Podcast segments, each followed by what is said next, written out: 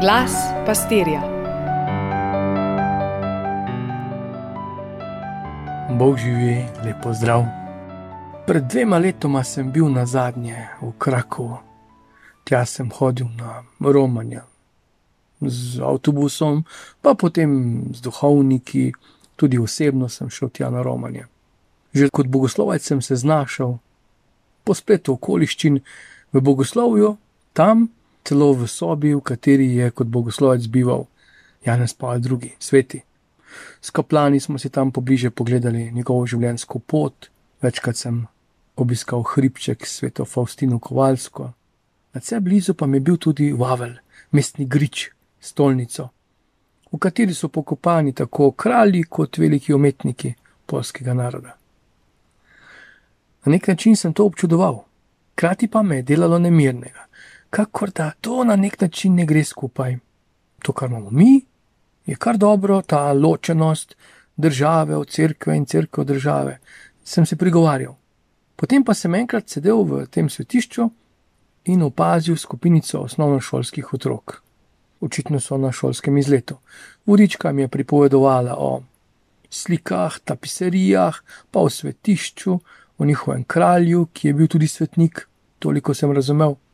Pa priznam, da me je že malo čudil ta njihov, ta njihova prepletenost vsega tega, na to pa eden izmed otrok je to vodičko prekinil in jo poklical kot učiteljico. In ja, dejansko je bila njihova učiteljica, očitno razgledana in hkrati pobožna. Razlagala je tako umetnost kot vero, kulturo, duhovnost, tako lepo, tako preprosto, in na koncu jim je dala še nekaj trenutkov tišine, da so se usedli v klop in še kaj zmolili. In to me je pretreslo v tistem trenutku.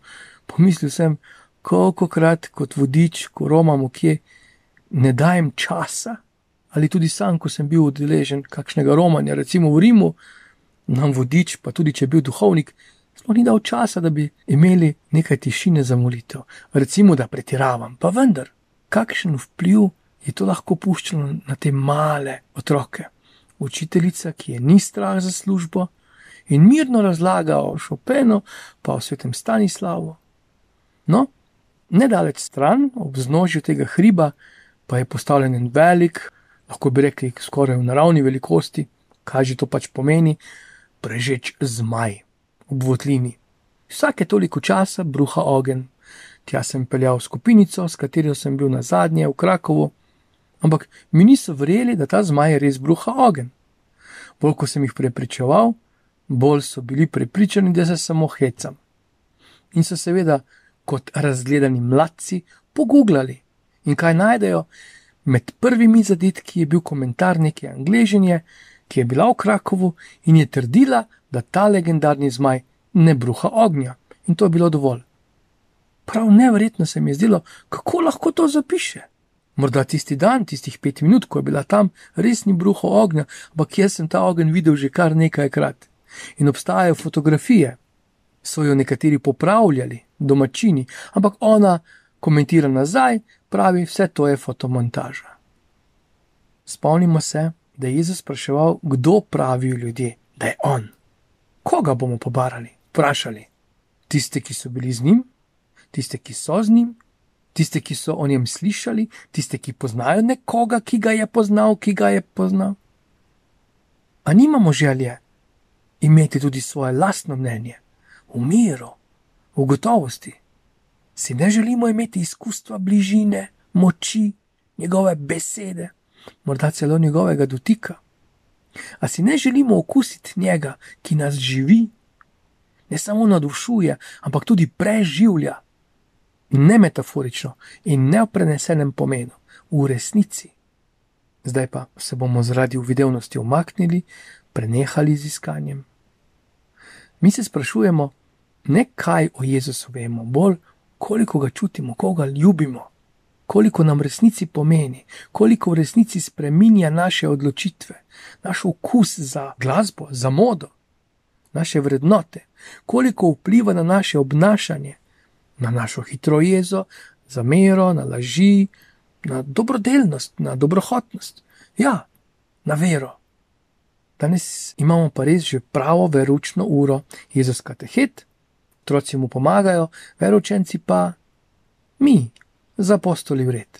Po Petrovi neuspeli intervenciji na prejšnjo nedeljo, ko je hotel strezniti Jezusa tam na koncu osmega poglavja, Markov evangelij, se danes nadaljuje Jezusovo izpraševanje.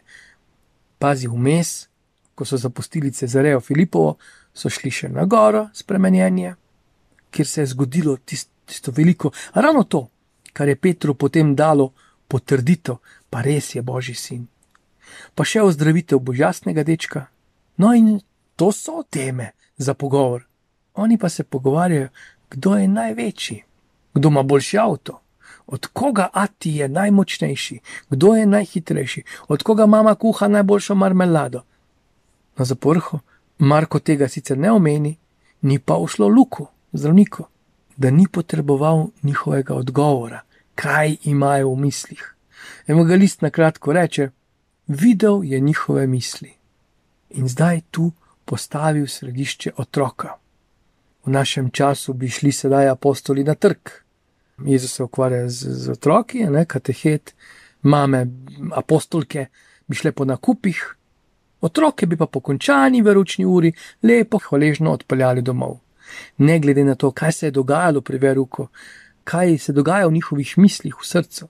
Toda Jezusova ura, kateheze, je namenjena apostolom, nam, ki se čutimo odgovorni za svojo vero. Ta želja po oblasti se ni končala pri apostolih, kdo bo prvi. Skozi vsa stoletja jih sledimo in tudi mi nismo imuni. Če že drugo ne hočemo imeti svoj prav, ne da bi bili čredne ovce, prav je, da imamo mnenje. Toda želja po oblasti, po mojem prav, je pripeljala Adama do izgona iz raja, Kajna, da je pograbil kamen, Babilonce, da so začeli graditi sebi stolp, ki je postal tempelj, na koncu grobnica, Davida, da je na oltarju užitka žrtvoval svojega prijatelja, in še in še vidnih in manj poznanih. Do danes, do današnjih dni, vidimo slike, saj eni zagrabili, vzeli v roke granitne kocke in zahtevali nekaj zase. Drugi pa to počnemo na bolj prikrit, pa vendar zgovoren način, smo skosne zadovoljni, čemerni, cinični. Pavel pravi v drugem berilu: Ubijate in ste nevoščljivi, in vendar ne morete doseči. Prepirate se in bojujete, pa nimate, ker ne prosite. Prosite pa ne prejmete, ker slabo prosite. Namreč zato, da bi to porabili za svoje naslade. Jezus sredo postavi otroka. Otrok ni ne bojevnik, ne učitelj. Vse, kar premore, je, da se uči, da se igra in ima rad, da ljubi za vplivo.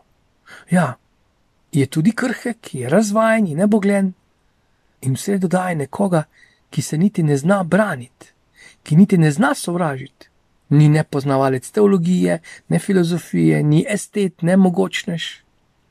Roža mu je več vredna kot kupe denarja, zlata.